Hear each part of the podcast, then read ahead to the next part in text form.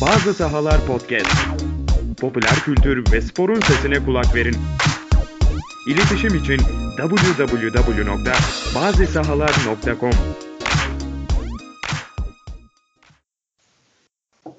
Merhabalar, Bazı Sahaların sunduğu Buzzer Beater'a hoş geldiniz. NBA'de konferans finalleri tamamlandı. Toronto Raptors, Milwaukee Bucks'ı 4-2, Golden State Warriors, Portland Trail Blazers'ı 4-0 ile geçerek finalde birbirleriyle eşleştiler. Hoş geldiniz beyler. Hoş bulduk abi. Bulduk. Ee, isterseniz bu sıcağı sıcağına Toronto Milwaukee eşleşmesiyle başlayalım abi. Çok enfes, epik, tarihin tozlu sayfalarına geçen bir eşleşme oldu. Ee, Milwaukee 2-0 ile girdi seriye. Yani Toronto'dan bir gömlek üstün görünüyorlardı serinin başında. Ee, ama ne olduysa 3. maçın ardından Toronto Raptors rüzgar arkasına aldı ve Milwaukee'yi saf dışı bıraktı. Burak direkt senle başlayalım abi. Yani serinin dönüm noktası ne oldu Toronto adına? Ya çünkü Milwaukee 3. maçın ardından seriyi 3-0'a getirebilirdi iki uzatmanın ardından. Bir anda 4-2'ye geldi. Sence bunun e, sebebi neydi abi? Abi bence bunun sebebi Kawhi Leonard'ın yani Antetokounmpo'dan daha iyi bir oyuncu olmasıydı. Bunu artık kesin olarak söyleyebiliyor muyuz? Hayır. Yok hani bu birazcık şimdi e, bold claim oldu ama yine de ben Kawhi Leonard'ın bu sene playoff'ta yaptıklarının onun gerçekten ne derece değerli bir oyuncu olduğunu ve bu adamın DeRozan karşılığında elden çıkarıldığı için e, bir utanç duyulması gerektiğini düşünüyorum. İşin esprisi ve hani goy goy kısmı bir kenara basketbol açısından Toronto e, Milwaukee'ye karşı özellikle savunmada bir şeyleri değiştirdiği zaman oyunu e, oyuna hükmedebildiğini fark etti. Ve bu zaten çünkü hücum tamamen Kawhi üzerinden şekilleniyordu. Kawhi'sız hücum yok denecek seviyedeydi. E, Milwaukee'nin de sürekli Toronto'ya karşı yaptığı hücumlarda e, Toronto istenen o matchup'ları ayarlayamadı. Özellikle Yannis Antetokounmpo'ya karşı hani e, karşısında Siakam'ı denediler, Gasol'ü denediler.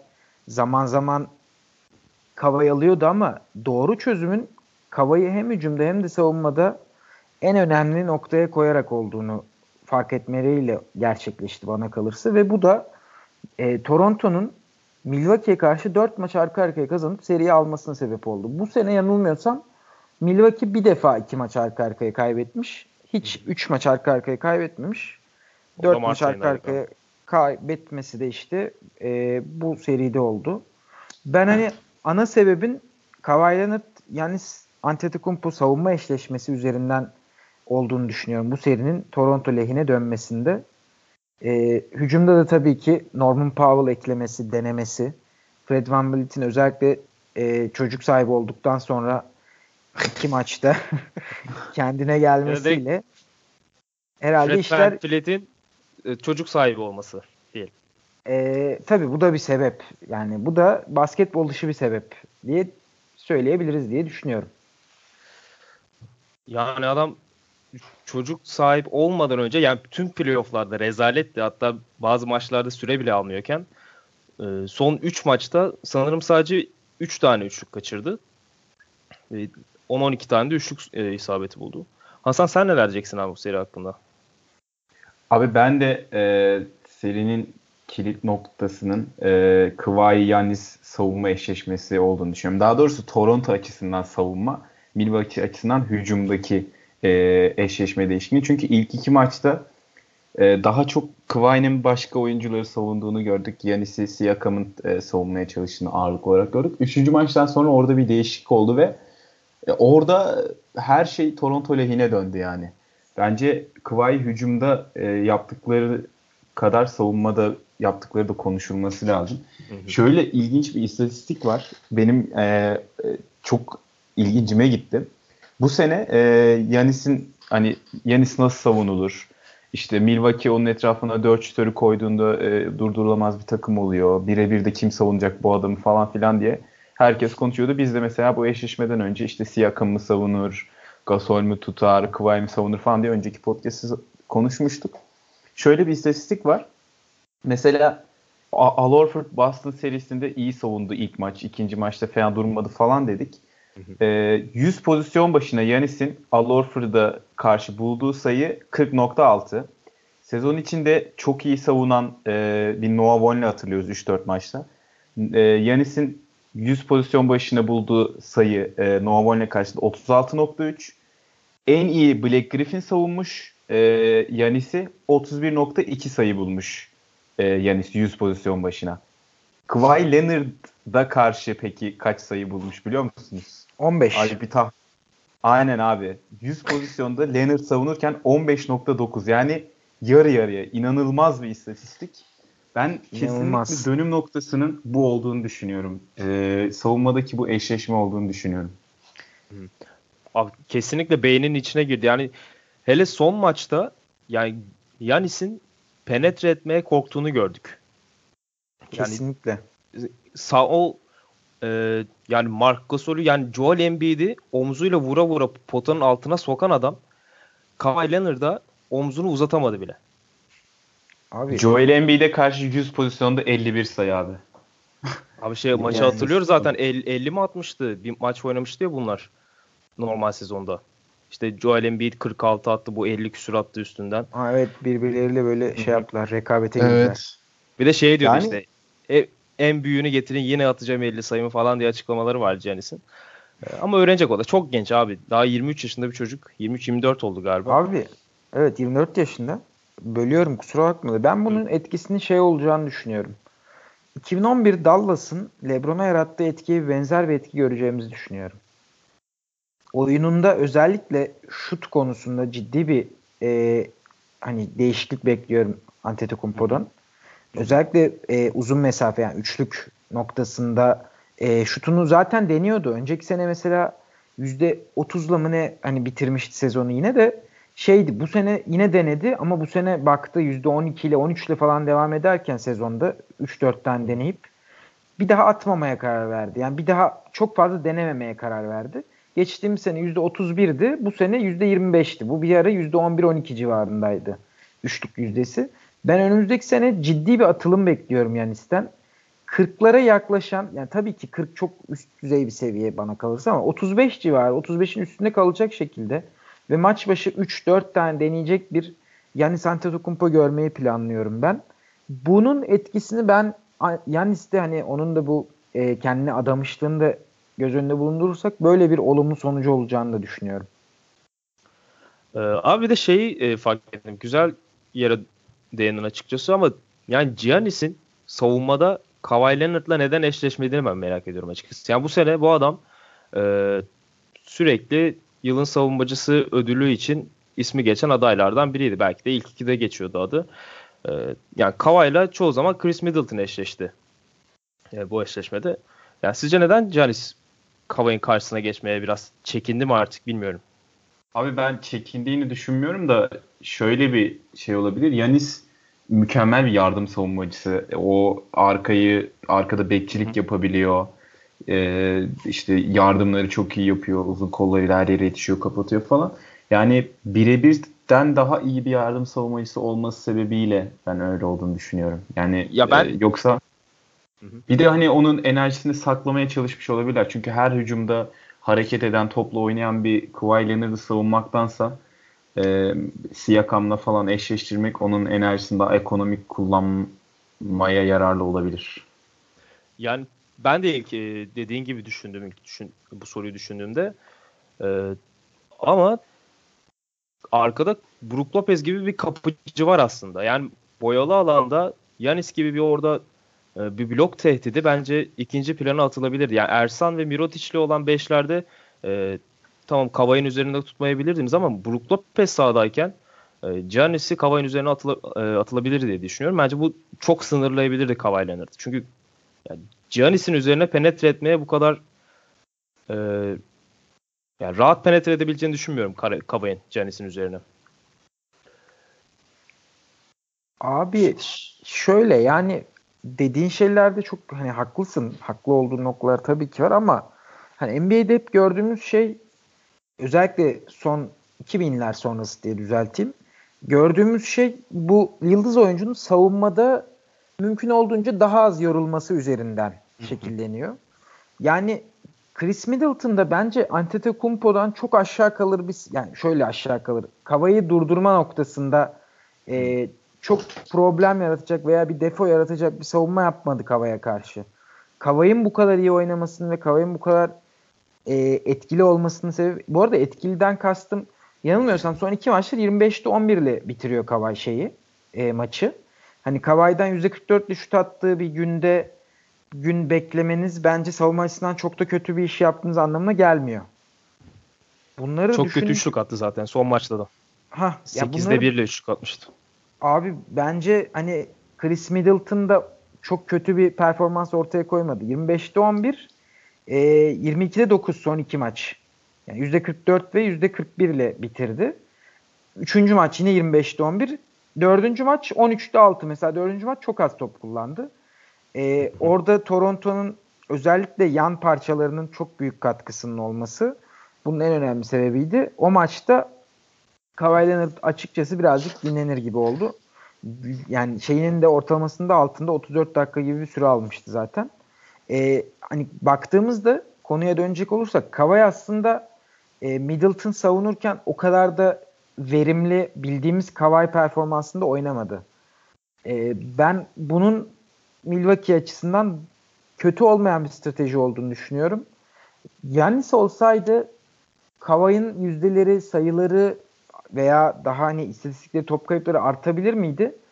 Ben açıkçası çok değişen bir şey olacağını sanmıyorum.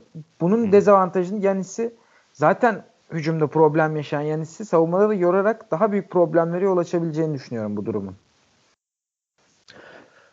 Ya işte bu biraz psikolojik bir birbirinin kafasının içine girebilirdi böyle böylece. Yani Kavay Giannis'in bildiğin beyninin içine girdi. Ben seni çok iyi savunuyorum diye.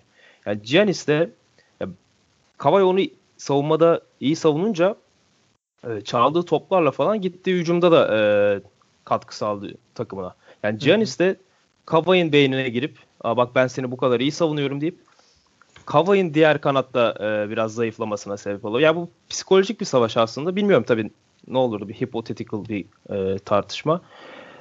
E, öyle bir esti sorayım dedim. Ya bir de bu şeye bakıyorum ben. Bu Raptors 5'i bence tarihin en iyi savunma 5'lerinden bir tanesi abi. Ve Ibaka'yı da katarsak buna. Hocam biraz iddialı isim, oldu sanki. Biraz, biraz isim, isim isim bakınca. Yani. İsim isim bakınca. İsim isim. Kyle Abi ben mesela şu an ligin en iyi savunma 5'i bile demem ya. En iyi savunma 5'inden biri diyorum oğlum. En iyi 15'inden biri. 10 savunma 5'inden biri. Mesela. Gene açabilirsin bu range'i. Hmm. Şöyle yani bakıyorum. evet hepsi bireysel olarak iyi savunmacılar. Ee, ama bilmiyorum ya. Biraz yani normal sezonda da muhteşem değillerdi savunmada. Yok yok değiller zaten. Ama bu Toronto e, Milwaukee serisinde özellikle son 4 maçta yaptıkları savunma bence derslikti. Özellikle bu transition savunmasında e, ki Milwaukee'nin ne kadar e, ölümcül bir transition takımı olduğunu da biliyoruz.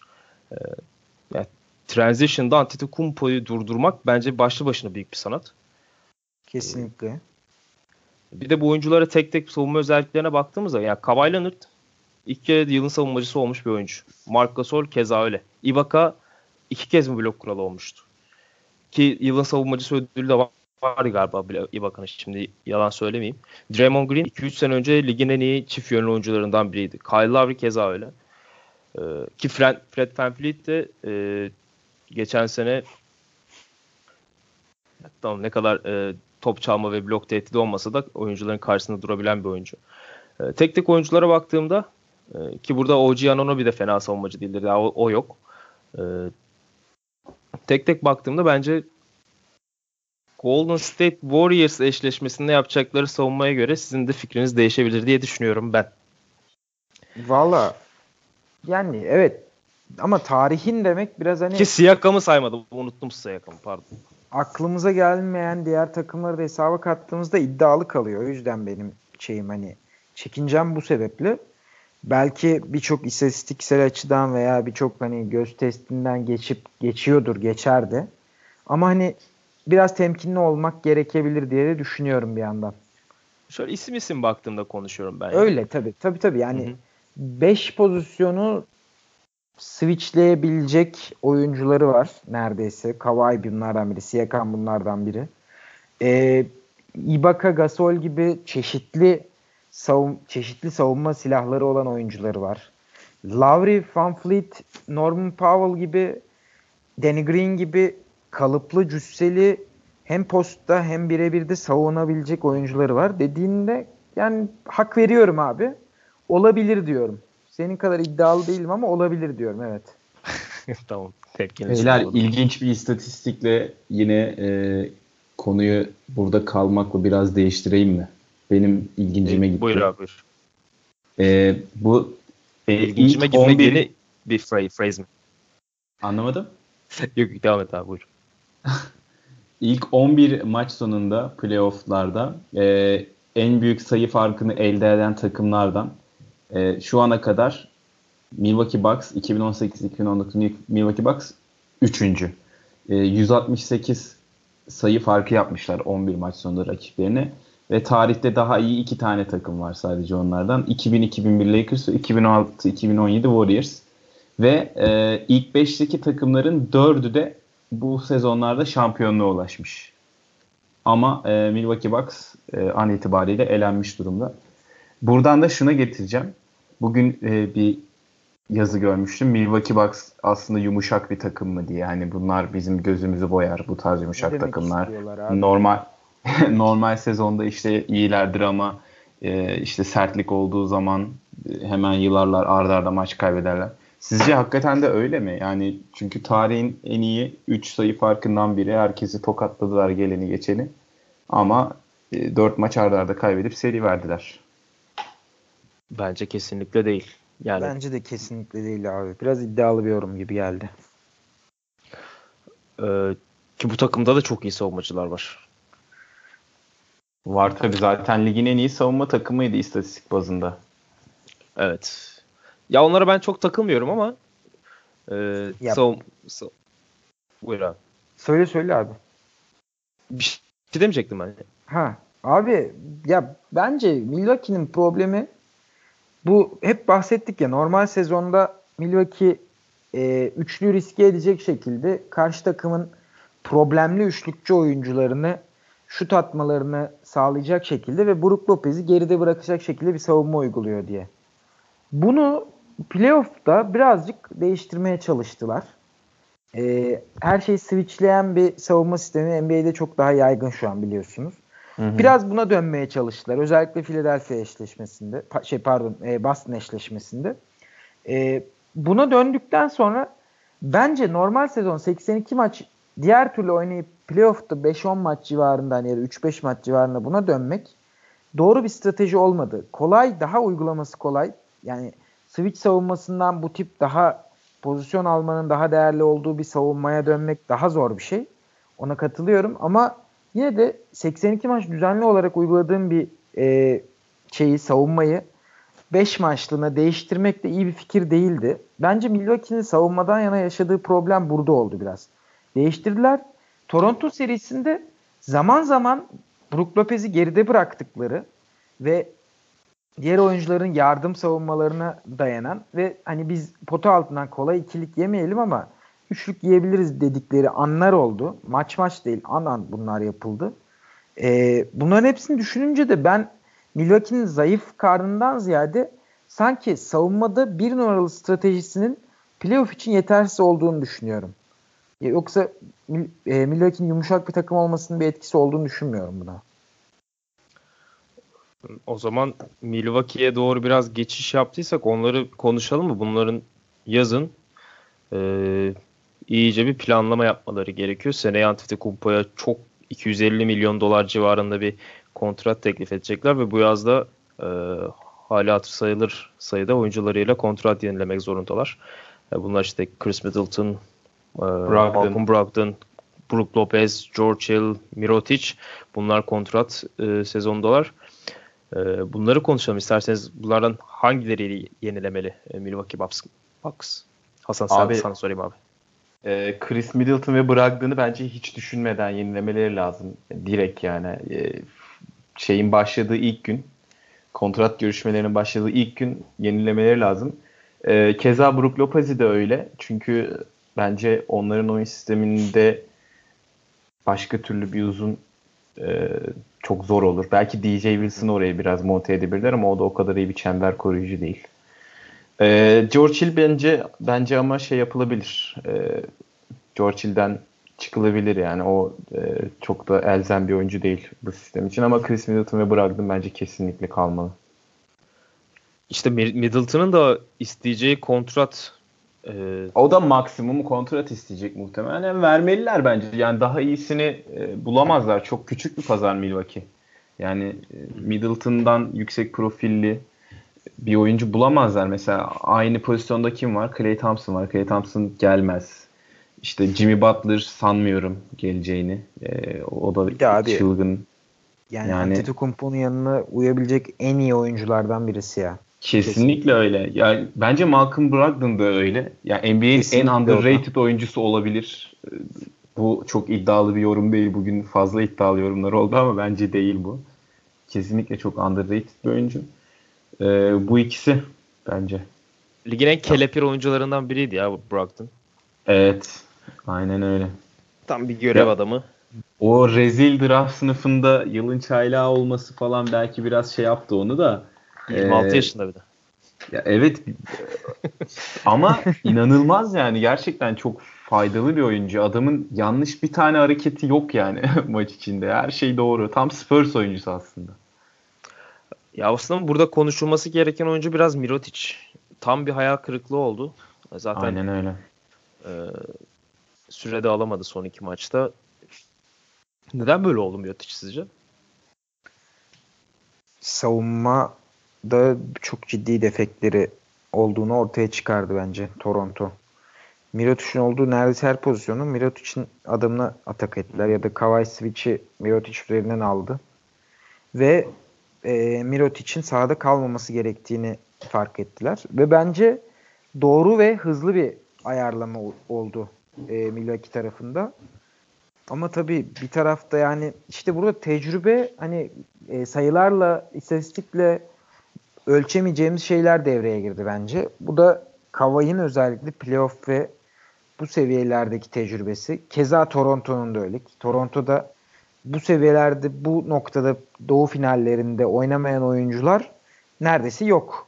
Hepsi oynadı yani. Ee, Milwaukee'de yeni yeni hani bu seviyelere gelmiş gelen bir takım. Biraz şeye benzetiyorum. Oklahoma'ya benzetiyorum. 2010'ların başındaki.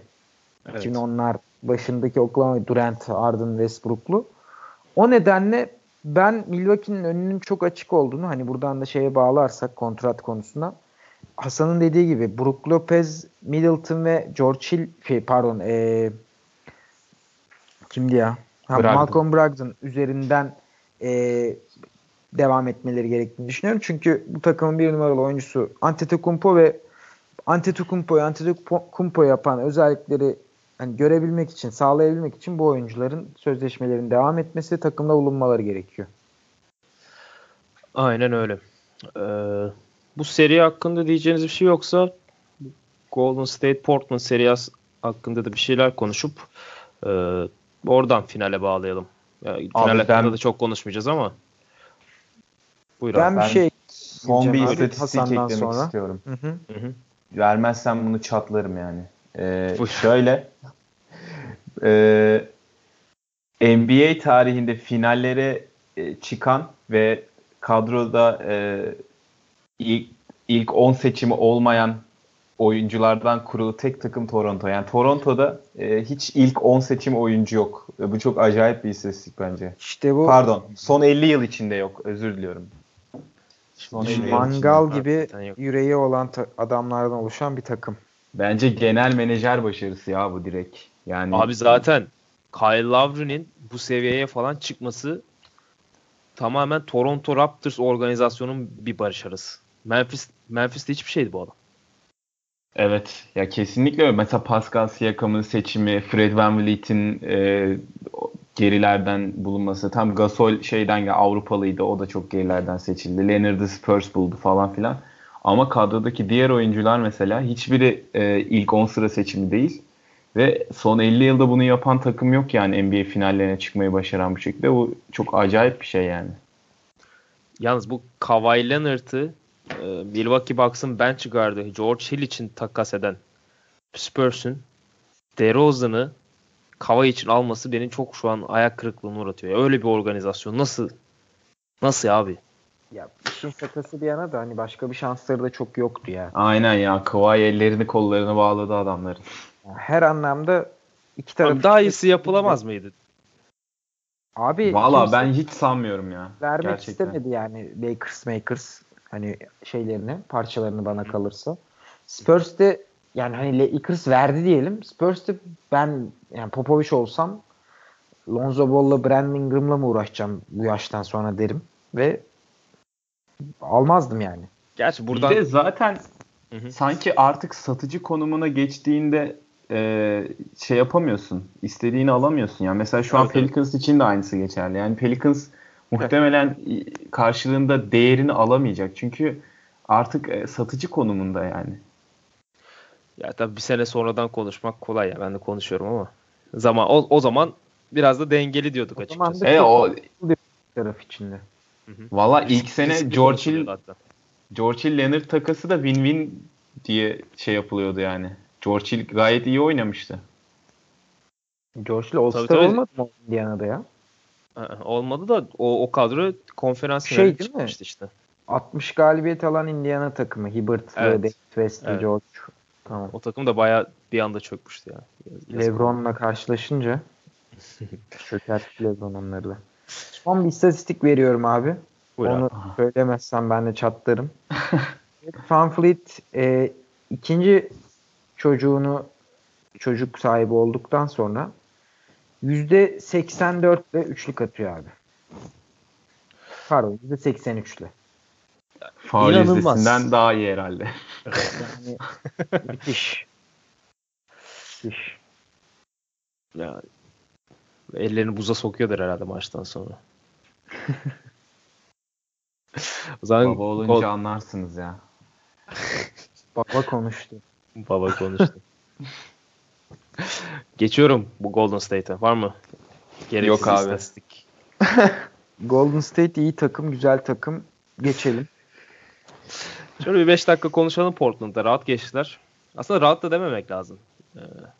3 maçta 16-17 sayı gerilere düşüp e, son anda kurtardılar paçayı. Ve 4-0 kazandılar. İlk maçı da Terry Stotts'ın hmm, ne diyelim artık u- u- uyudu diyelim. Terry Stotts için çok e, saygısızlık etmeyelim. E, bu seriyi nasıl değerlendireceğiz abi? Yani Golden State finalde elbette bu kadar rahat olmayacaklar. Elbette bu kadar e, yumuşak bir savunmayla karşılaşmayacaklar. E, sizce favoriler mi Toronto karşısında? Bence net en iyi favoriler. ya. Hani net favoriler o ayrı. Hı hı. Ee, ben sadece şunu diyeceğim. Ee, Kaan Kural'ın bir yorum vardı. Onu izlerken, dinlerken ya da e, ondan duymuştum ve çok mantıklı geldi sonra üzerine düşününce. Ee, ortada bir Golden State var bir de Portland var bu seride ve Portland'ın yaptığı neredeyse her şeyi Golden State çok daha iyi yapıyor. Hı hı. Yani durum hani böyle bir durum ortada varken zaten ortada çok iyi yapan taraftan yana dengenin bozulması kadar normal bir şey de yok. Hatırladım bu Charmander Charizard benzetmesi yapmış değil mi? Müthiş benzetme. Ha ha ha. Evet, evet abi. O, o benzetme üzerinden. Yani bir taraftan onun da söylediği gibi Charizard var. Öbür tarafta Charmander var. Hani ne kadar direnebilirsin ki ya da ne kadar kafa tutabilirsin ki diye düşünüyorum. Yani bu diğer bütün hani 18 sayı farkları vesaireleri bir kenara bıraktığım zaman e, ben Portland'ın 4 maçlık bir seride herhangi bir şansının olduğunu düşünmüyordum. Siz düşünüyor muydunuz? Kevin Durant Kes- oynamasa dahi. Hayır hayır hayır. Zaten bu son 4-5 senede 3. kez Golden State'e süpürülüşleri sanırım. Bayağı Galiba. süpürülüyorlar her sene. şeymiş zaten. Curry'nin Lillard'a karşı playoff şeyi e, rekoru 10-0'mış. Of. Çok kötü be. Yani Oakland'ın gerçek sahibi diyorduk. Hani lafı ağzımıza tıktı. Ama Lillard da sanki bir Oklahoma serisinden beri bir yatışta. Abi kaburgalarında sakatlık Evet. varmış. Ama o Yani Golden State gerçekten. serisinde çıktı diye yersin. Abi omuzlarında varmış sakatlık taşımaktan Evet. takımı. Sırtında ve omuzlarında ciddi problem varmış. ya da şey mi? Çok fazla Westbrook'a maruz kaldığı için kanser falan mı oldu? Olabilir ya. Onlar bu hafta çok e, bol bol Kevin Durant konuştular. Kevin Durant kalıyor mu, gidiyor mu, bu takıma gerekiyor mu? Kevin Durant sizde Yine ağzı ve parmakları boş durmamış Kevin Durant'in. Özellikle parmakları. Parmakları galiba evet. ya bir insan belki de iki hafta öncesine kadar NBA'de şu anda dünya üzerinde en iyi oyuncusuyken dünya, dünyanın neden Instagram'da, Twitter'da adını aratıp arama motorunda o yorumlara cevap atar? Nedir abi bunun cevabı nedir ya? Abi ben anlayamıyorum ya. Tarihin en yetenekli skorerinin mental olarak 13 yaşında olmasını ben anlayamıyorum. Ya buna bir cevabım yok kesinlikle. Valla 13 bile çok geldi bana ya. Öyle söyleyeyim. Ee, akıl almıyor. Serinin ilk iki maçında oynamayacak bu arada. Ee, ikinci maçta oynayacak mı kesin bilmiyorum ama ilk maçında kesin yok. Ee, sizce Toronto'nun bir şansı var mı Kevin Durant seriyi tamamen kaçırırsa? Abi bence e, Toronto'nun şan- yani yine önde değiller. Şansları var. Yine önde değil ama bence orada kritik olan şey şu. Iguodala, Iguodala da sakat. Yani e, Iguodala'nın sakatlığı Durant'inkiyle birleşince orada bayağı bir hasar oluşabilir Warriors adına. Çünkü Iguodala inanılmaz oynuyordu Portland serisini. Kesinlikle. Üçüncü maçta yanılmıyorsam sakatlandı. Ee, yani onun eksikliği çok kritik olabilir. Yanılmıyorsam o da e, uzun sürecekmiş onun sakatlığı. Yani e, o da ilk 2-3 maçı kaçırabilir diye duydum ama tam emin değilim. O yüzden kesin bir şey söylemeyelim şu an. Ya ki de Sean Livingston da çok e, iyi bir dönem geçirmiyor. Hatta kötü diyebiliriz Sean Livingston içinde. E, bench'ten katkının gelmemesi, Kevin Durant'in olmaması ya bir anda Golden State'i yenilebilir bir takım haline getirebilir. E, yani bence biraz Portland serisi onları şu an tekrar prenses havasına sokmuş durumda. E, Toronto oradan ilk iki maçtan bir sürpriz çıkarabilir diye düşünüyorum ben. Ondan sonra işin rengi de değişebilir. Tabii favori kesinlikle Golden State. Ama göreceğiz tabii. Abi bu arada Abi- ben Söyle, söyle abi. söyle sen ben e, Abi şeye- hemen müdahale edeyim. Yani sürpriz Tamam. çıkarmaktan kastın şey mi abi? Şimdi ben onu unutmuştum mesela. Bu sabah fark ettim. Ee, Toronto şeye karşı sağ avantajına sahip Golden State'e karşı. Aa, doğru Yani- doğru. Toronto daha fazla hani daha fazla maç Toronto 4 maç Toronto'da olacak. Acaba e, 2-0 gidebilir mi Toronto buradan? Yok yok yok. Durant sizde. Yok. Curry. Ben ben Golden State'te diye şey yaptım seriyi. O yüzden sürpriz Aha. dedim. Geri alıyorum. 1-1 Oakland'a taşınır seri. Ya işte o da büyük ihtimal ya gerçi hiç belli olmaz da Ee, umarım Kawhi Leonard'ı sakatlamaz Golden State'in uzunlarından birisi diyelim. Kavayı Kavay'ın intikamını da izleyebiliriz. komplo teorileri. evet Hasan sendeyiz abi. Ya benim dikkatimi şöyle bir şey çekti. Ee, bu Portland Golden State serisinden önce şöyle düşünmüşüm. Golden State e, pivotlarına e, uzunlarına yani 2-10 üzeri oyuncularına ligin en az süre veren takımlarından birisi. İşte bu Draymond Green'i 5 numarada oynattıkları 5'i falan e, maçların sonlarında ve e, maçların ağırlıklı bölümünde deniyorlar. Aksine Blazers'da bu uzun oyuncuları en çok e, sahada bulunduran takımlardan biriydi. İşte Enes Kanter, Yusuf Nurkic, e, Myers Leonard, Zach Collins. Burada nasıl olur diye düşünüyordum. Şöyle bir şey var. E, Denver Nuggets serisinde Enes Kanter'in dakika ortalaması 35 iken Golden State serisinde 17'ye düşüyor. Zach Collins'in ortalaması 21 dakikayken Denver serisinde Golden State serisinde 14 dakikaya düşüyor ve e, sahada tutamadılar. Yani Golden State o kadar hareketli, o kadar e, hücumda screen kullanıp boş alanları yaratmaya çalışan yani o Curry'nin hani hareket edip 20 saniye falan attığı bir sayı var ya o bayağı meşhur oldu Twitter'da falan. Ya, o tarz hücumları o kadar çok kullandılar ki Portland sahada tutamadı uzunlarını.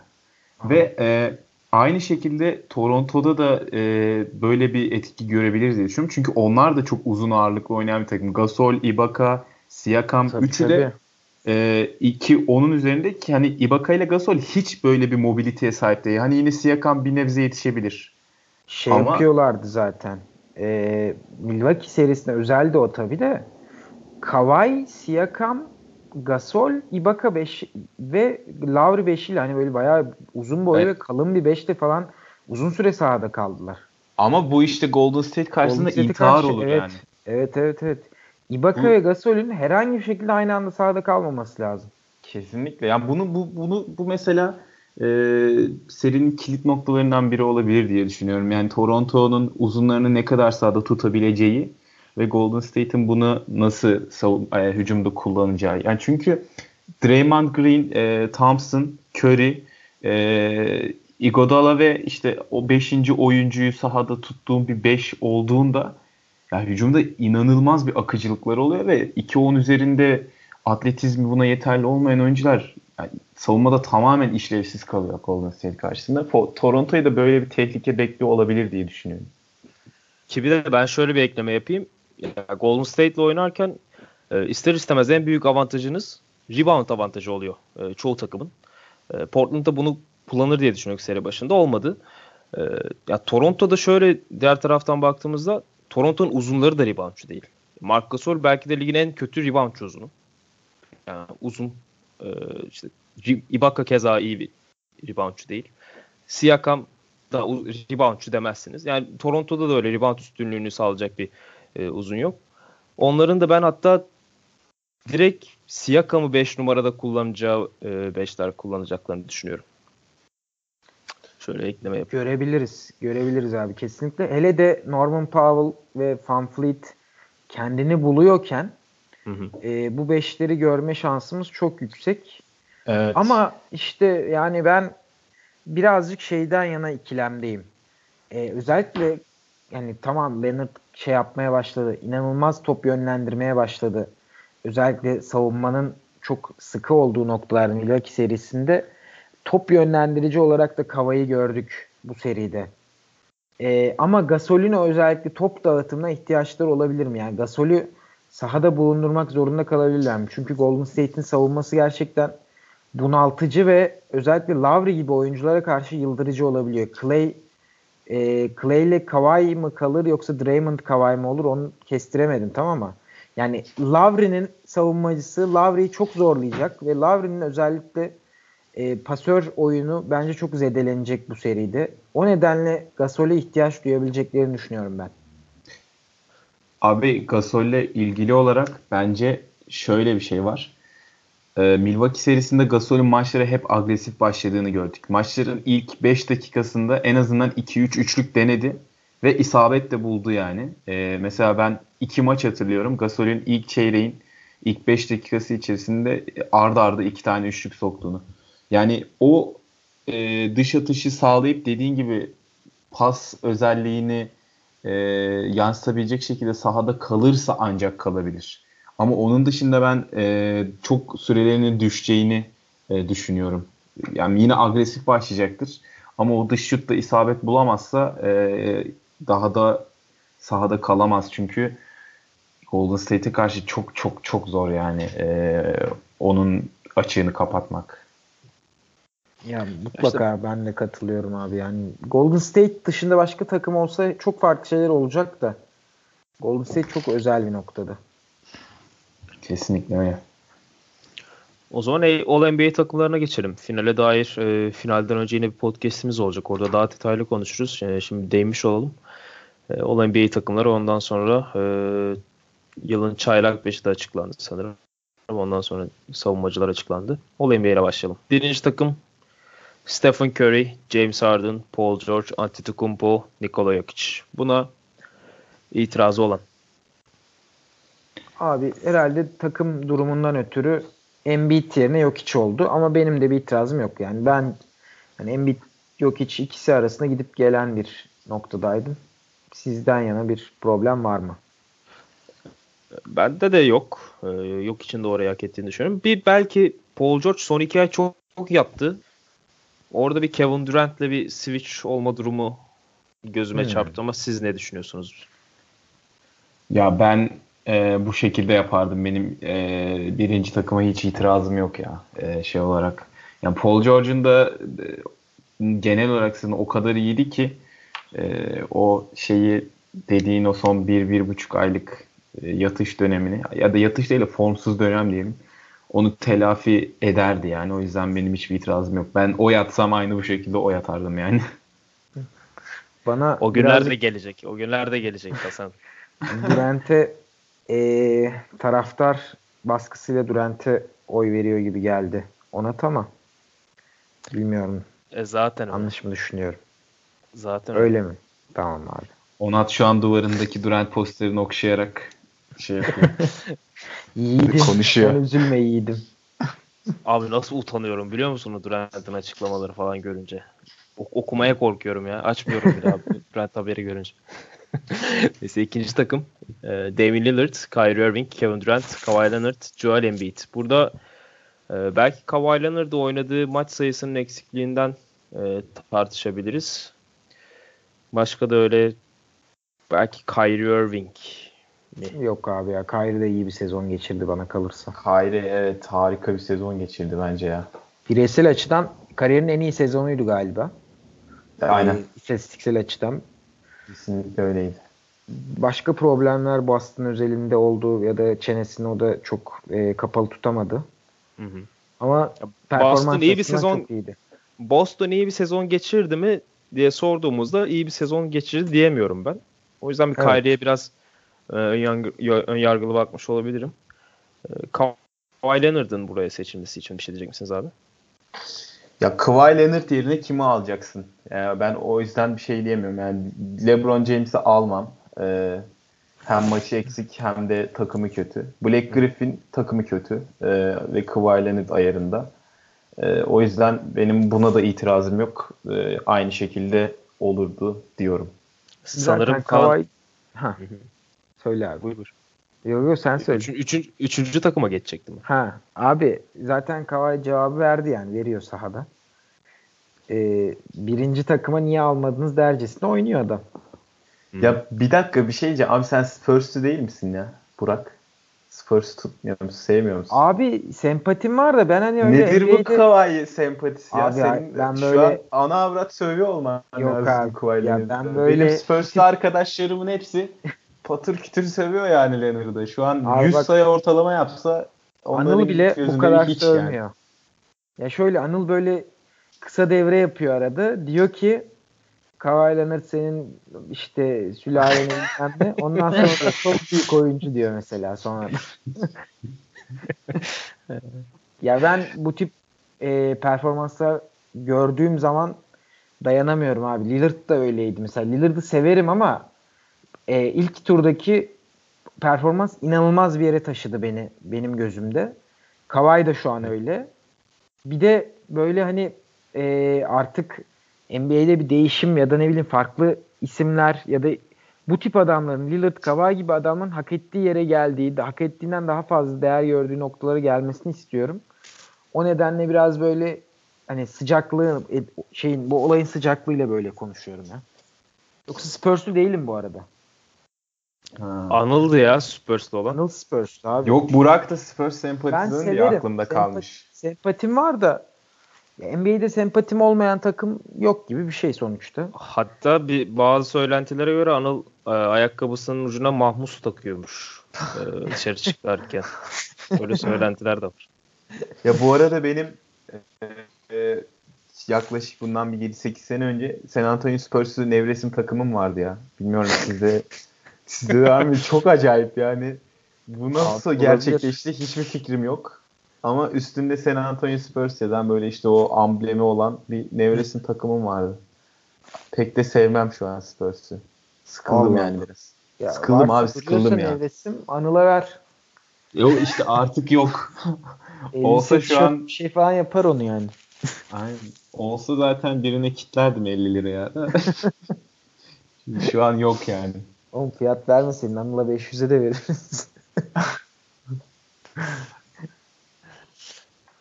Geçiyorum üçüncü takıma. Kan burada çıkacak. Kemba Walker, Russell Westbrook, LeBron James, Blake Griffin ve Rudy Gobert. Burada çok tartışacağız sanırım.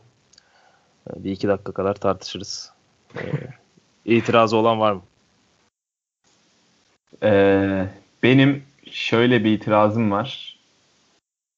Ee, Bradley Beal niye yok diyorum ben. Yani Kemba Walker yerine bence Bradley Beal e, alınmalıydı şey olarak e, guard rotasyonda. Onun dışında ben çok e, bilmiyorum bence iyi ya. Diğer dört oyuncuyu da e, beğendim ben. Çünkü LeBron iyi bir sezon geçirdi yani ki, e, şey olarak. Tam az maç oynadı. Takımı kötüydü ama istatistiksel olarak iyiydi. Sadece kendi standartlarının bir tık altında. Griffin acayip oynadı. O zaten olmalı. Westbrook olmalı. Olmalı yani. Gobert kesinlikle olmalı ama Bradley Beal ve Kemba Walker arasında bir seçim yapacaksak ikisi de kaybeden takımın süper yıldızları. Ama Bradley Beal'ın yaptığı iş bence çok daha özeldi Kemba Walker'ın yaptığından. Kemba Walker çünkü verimsizdi bence e, Bradley Beal'a oranla. Yani şut yüzdeleri falan düşüktü. O yüzden ben Bradley Beal'ı alırdım buraya sadece Walker'ın yerine. Ben Ama baktığımızda biraz... ay, aynı kalibredeki takımlarda Kemba takımını playoff sınırında daha uzun süre tuttu. Beal tutamadı. Öyle bakıyorum ben. O yüzden Kemba'yı bir adım daha önde görüyorum bir yıldan. Burak, yani takım şey başarısı. Takım başarısı biraz daha ön plana çıkardı gibi geliyor bence. Kemba'yı. Ama ben de bir yılı görmeyi daha çok tercih ederdim diye düşünüyorum. Son olarak da Gober'in seçilip Towns'un seçilmemesi hakkındaki düşüncelerinizi alabilir miyim? Ben de bu arada katılıyorum yani bu seçim bence de bu takımın seçimi belki bir yıl Kemba dışında gayet olumlu ve makul geldi bana. Sizin düşünceniz ne? Ben Town, Towns'un seçilmemesine eleştirirsem biraz duygusal yorum yapmış olabilirim. Çünkü Towns benim ligde en sevdiğim oyunculardan bir tanesi. Yani Gobert e, yani batıdaki 6. en iyi takımın bir numaralı yani takımın üzerine kurgulandığı oyuncu. Yani o takımdan bir oyuncu almazsanız ayıp olacak. O oyuncu da Donovan Mitchell olmadığına göre Rudy Gobert'in bir şekilde girmesi gerekiyordu. Carl Anthony Towns da belki Minnesota son düzlüğe girebilseydi playoff yarışında Gobert'in üstünde anılabilirdi. Benim burada e, konuşmak istediğim oyunculardan birisi Clay Thompson. Yani lige çok kötü girmişti. İlk 8-10 maç e, tuğla atıyordu potaya. Ama sonraki 70 maçta %43'lü üçlük attı. 23 sayı ortalamalar yakaladı.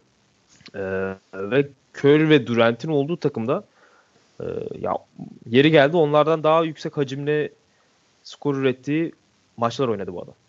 Ve triple double'ında ne kadar sıradan bir istatistik olduğunu her geçen gün e, ispatladığı bir ortamda bence Russell Westbrook'un bu sezonu felaketti. Her ne kadar istatistik kağıdında 22 10 10 yazıyor olsa da bu beni artık çok etkilemiyor. E, yaptıkları asistler ne takımı çok fazla oynatan asistler. Çektiği reboundlar tamam iyi bir reboundçu. Bir garda göre çok iyi bir reboundçu. Yani bir buçuk hücum rebound ortalaması yakalamak. 8-9 e, tane savunma rebound çekmek. Ama bunda Steven Adams'ın da çok büyük payı var. E, yaptığı box out'larla. E, o yüzden rebound istatistiğini tamamen kapatıyorum. Benim için Russell Westbrook 22 sayı, 2 rebound, 10 asist yapmış bir guard kadar.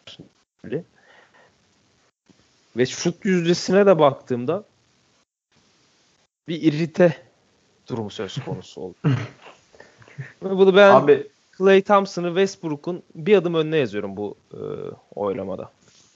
Abi ben Westbrook konusunda katılmıyorum ya. Yani triple double ortalamasıyla bitirmek e, her ne kadar istatistikler biraz şişirilmiş olsa da yani çünkü mesela bazen böyle oyuncuların işte e, o geceki highlightlarının olduğu videolar oluyor ya onları izliyorum. Mesela Russell Westbrook işte 25 sayı, 16 rebound, 15 asist falan. 15 asistten 4'ü işte topu alıyor e, Westbrook'un pası verdiği önce. Üç kere topu yere vuruyor, atıyor falan öyle asistler ama yine de acayip bir iş yani ortalamayla bitirmek triple double. Bence bu tek başına yeterli yani Burak'ın da söylediği gibi. O yüzden ben Clay Thompson'ın yerine Russell Westbrook'un olması taraftarıyım. Yani buna bir itirazım yok. Saygı duyuyorum ama ya bakıyorsun Antetokounmpo 15, 16, 17 rebound ortalamalarıyla bitirdi belki de Toronto Raptors serisini. Ama bu reboundlar kaçı maç kazandırdı bu reboundların? Yani Abi rebound maç kazandırmaz artık ya. Nasıl kazandırmaz? Eskiden kazandırıyordu. Abi eskiden Ki, yani.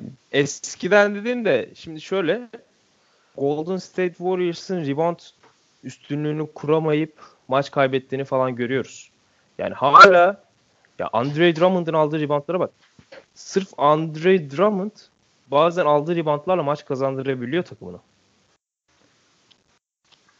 Yani ya bence ben hücum, hücum ya, rebound diye artık artık ayrı bir istatistik kağıdının ana istatistiğe girmesi lazım. Hücum rebound. Savunma reboundunu artık bırak, bırakmamız lazım. Total rebound değil de hücum reboundunu biraz da öne çıkarırsak bence bu Westbrook'un e, triple double ortalamalarını da e, artık tarihin tozlu sayfalarına yollamış oluruz. Bilmiyorum ben saygı duymuyorum triple double'lar artık. Bana pek bir anlam ifade etmiyor. Hava çok iddialı yorumlar gibi geldi ama abi triple double'a saygı duymamak konusunda ben ben bu arada çok sana. Stephen A. Smith izliyorum ben bu arada çok ondan. Evet belli sen hani böyle e, çıkıp ne varsa söylemeyi tercih ediyorsun da abi bence o kadar e, acımasız değil durum. Clay bilmiyorum ben de mesela tam tersi Clay'i şey görüyorum. Abartı demeyeyim de nasıl denir? Olduğundan Golden State'de olduğu için olduğundan daha değerli görünüyor gibi geliyor bana da. Olabilir. Olabilir. Sürekli bir kredi verme durumu var gibi sanki Clay'e. Abi yok ya. Bak ya yok çok iyi bir oyuncu. Çok iyi bir yani oyuncu. Mükemmel bir savunmacı bir kere. Ee, ve her sene 20 sayının üstünde ortalama yapıyor. Yani hani eğer triple double ortalaması bir şeyse, kriterse, önemli bir kriterse 20 artı ortalama ile bitirmek e, de bir kriter olmalı bence. Yani kaç tane 20 artı oyuncu var. O yüzden bence Clay Thompson şeyi falan değil yani. Biraz overrated falan değil. Bence tam ayarında rated. o zaman e, ben şeyi söyleyeyim. Yani sizce sence daha doğrusu Hasan bu Clay Thompson burada herhangi birinin yerine girebilir mi? Veya NBA'nin en iyi 15 oyuncusuna biri mi?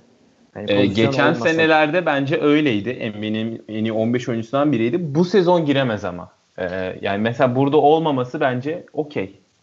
Ee, bu sezonki performansı. Ama mesela geçen sezon, ondan önceki sezon harikaydı yani kesinlikle hak ediyordu All NBA takımlarını. E bir de Clay Thompson demişken ilginç bir şey var. Bu sene kontratındaki madde gereği All NBA takımlarından birini e, giremediği için 30 milyon dolar daha e, az bir kontrata imza atabilecek. Yani bir burada bir All NBA seçilmiş olsaydı alacağı... Rızkıyla oynadılar adamı. Aynen adamı rızkı yani rızık da 30 milyon dolar yani. 30 dolar değil. 30 şey milyonluk rızk. o zaman e, savunma takımlarına geçelim ya. Birinci e, takım. Dur dur bir dakika geçmeden bu arada e, ilginç bir şey söyleyeyim. Anthony Davis'in All NBA takımları için aldığı oy sayısı hmm, Domantas Sabonis'le aynı abi. Buna ne diyorsunuz yani? Çok işte, ilginç ya. Yani öyle ileri geri konuşmayacaksın. That's all folks tişörtüyle çıkmayacaksın. Yoksa evet. sonun bu olur diyorum. E, Sabonis e, üçüncü ve ikinci takım için birer oy almış. Aynı şekilde Anthony Davis de. Yani Sabonis büyüktür Anthony Davis diyebiliyor muyuz? Kesinlikle buradan neredeyse, o çıkar. Neredeyse doğru. O zaman savunma takımları e, Rudy Gobert, Paul George, Antetokounmpo, Marcus Smart ve Eric Bledsoe'dan oluşuyor. Var mı söyleyeceğiniz? Burada e, tartışmalar oldu. Patrick Beverly'nin olmaması gibi. İkinciyi de açıklayayım isterseniz. Drew Holiday, Clay Thompson, Joel Embiid, Draymond Green ve Kawhi Leonard. Buyurun. Hasan sen başla. Ee, şimdi bence e, şey olarak birinci takımda Rudy Gobert, Paul George, Antetokounmpo kilitti. E, şeyden ilk beşin üçü. Marcus Smart da okey. Marcus Smart'ta da sıkıntı yok. Ama Bledsoe'da e, biraz şey olabilir. Ben de ikilemdeyim.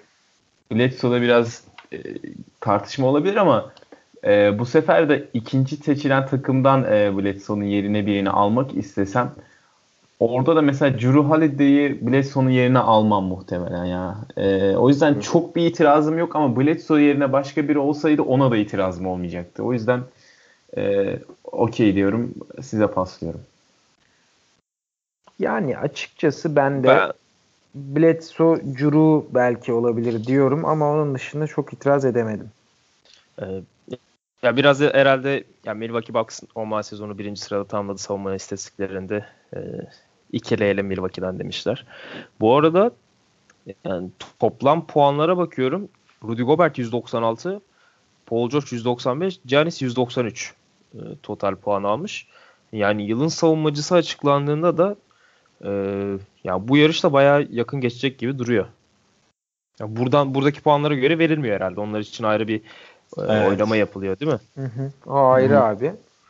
Ee, ben ben de çok yakın bekliyorum. Dediğin gibi aslında oylama da o kadar yakın olabilir. Yani Kesinlikle. Kaç oy? 2-3 oy falan fark ettirebilir 3 isim arasında. İkinci takımda Patrick Beverly'nin seçilmemesi üzerine tartışmalar vardı. Ee, Drew Holiday, Clay Thompson, Joel Embiid, Draymond Green ve Kawhi Leonard 5'i üzerinde. Ee, yani Drew Holiday tamam çok iyi bir savunmacı ama New Orleans bu sene çok felaket bir savunma takımıydı. Ki arkada Anthony Davis gibi bir bekçi olmasına rağmen e, yani Drew Holiday'in oraya seçilmesi bir tartışma konusu mu? Bence değil. Patrick yani, Beverly üzerinde. E, bence değil ya. Holiday de acayip bir savunmacı çünkü. Ya sadece Patrick Beverly biraz bence şey ya. E, çok göze batıyor. Yani yaptığı işi göze sokuyor. İşte o trash talklarla, aldığı hücum faullerle falan yani. yani hem Cirolde Pelicans gibi yani nasıl diyeyim daha e, küçük pazarlı bir takımda oynadığı için ve daha böyle e, göze batmayan bir oyun stili olduğu için şey yapıyor. E, ve hücumda da iyi bir oyuncu oldu. Çünkü Patrick Beverly dediğinde akla savunma geliyor ve göze sokuyor. Ama ee, bence genel anlamda Cirol Bey hem birkaç pozisyonu savunabilmesi hem de fiziği itibariyle daha iyi savunmacı. O yüzden benim burada itirazım yok. Sadece ben e, Russell Westbrook'ta bu 5'te olabilirdi diyor düşünüyorum. Çünkü o da bence inanılmaz bir sezonu geride bıraktı savunmada. İşte ligin en iyi ikinci, üçüncü savunma takımının en iyi dış savunmacısı diye de, diyebilirsin yani. Aynen diyebilirsin. Diyebilirsin. Ee, şey burada biraz konuşuldu. Ama tabii Joel Embiid ve Rudy Gobert'in üzerine yazmamız saçma olurdu. Miles Turner blok kralı oldu bu sene. E, ama beklediği oyları alamadı. 39 puan almış. E, ve giremedi. Herhalde önümüzdeki senelerde Miles Turner'ı ikinci veya birinci savunma takımlarına göreceğiz. Görürüz bence de. Ben Ben Simmons'ı düşündüm abi. Siz ne düşünürsünüz Ben Simmons hakkında? Balon. Yani savunma takımında. Bence Kesinlikle olabilir. Müthiş bir savunmacı. Drew Holiday'in yerine mi peki sizce yoksa ya bence zaten bak en başta şu an savunmayı şey yapıyorum. Tamamen Simmons'la alakalı konuşarak. Simmons'ın şu guard tribinden kurtulması lazım. Artık yani yeter be kardeşim ya. Bu adam bir 4 numara ya artık. Ya bu adam herkes. ya sen forvetsin kardeşim. Yani e, böyle oynarsan daha şey olacaksın. Yok işte e, ben kendimi guard olarak tanımlıyorum. İşte 2K'da PG yapıyorlar adamı. Buraya geliyor şey yapıyorlar falan filan. Ya bu adam forvet ya 2-8 falan yani. Bak bunla, bu tripten kurtulursa gerçekten çok daha iyi olacak yani bence kendi açısından da. Bu adamı salmaları lazım. Ya mesela düşünsene şimdi şöyle bir şey var. Sixers'ın ilk beşine Simmons'ı işte 3'e 4'e çekip bir tane guard koyduğunu düşünsene. Ya acayip akar o takım. E, çünkü sen bu top yönlendirme işini forvetten de yapabilirsin yani. Mesela Efes'teki Miçic e, draft hakları Sixers'ta. Yani Miçic'i bile koysan yani Miçic'i bile koysan e, Simmons'ın yanına çok daha iyi olur hücumda. Neyse çok sinirlendik Simmons'a gece gece şimdi. Yükseldik Geçelim. bir. Durduk Geçelim. yere bir Simmons'a yükseldik. Aynen geçelim. Başka var mı? Çaylak 5'i var. O da beklediğimiz zaten Çaylak 5 35 yıl sonra şeymiş. İlk İlk 5'ten beş. seçilen oyuncular yine ilk 5'teymiş. Hmm. evet orada da Ya bu arada çaylak 5'ine geçmeden PJ Tucker niye yok ya burada savunma 5'lerinde? söylüyorum şu an kaç puan almış. PJ Tucker 38 puan almış. Ee, forvetler arasında birinci ye- yedeklerde yani. Ya ben olsam biri olmasa- Kawhi Leonard yerine e, PJ Tucker'ı koyarım abi. Ki zaten Şak. 39 puan almış Kawhi Leonard. 38 puan almış PJ Tucker. Saçmalık yani bence PJ Tucker'ın olmaması. Kawhi Leonard yani bence sezonun birçok bölümünde savunmada takıldı yani. E, şey yapmadı, çok kasmadı, takıldı sadece. Lütfen ağzınızı toplar mısınız Hasan Bey? Abi ben öyle ya. Maçlarda öyle gözüküyordu yani. Abi tabii yani abartıyorum. Ama- Biraz isme göre de veriliyor işte. Mesela Curu da bence öyle. Yani bireysel olarak iyi bir savunmacı olduğu için bu 5'te yer buluyor. Ama Geçen performansı seneki Hı hı. böyle değil. İşte Ya zaten- Tucker oluyorsun, ciğerini çıkarıp koyuyorsun savunmada sonra Kawhi Leonard'ı alıyorlar. Cirol de o kadar iyi savunma yapsaydı bu sene bence zaten Pelicans bir şekilde playoff potasında kalırdı sene sonuna kadar. Veya Anthony Davis o kadar erken e, takasını istemezdi. Ben de katılıyorum. Yani Katılmıyorum ben ya. O Ciralde zaman- okey yani orada. Peki. Konuşacak bir şey kalmadı. Sizle final serisinden önce görüşeceğiz tekrar.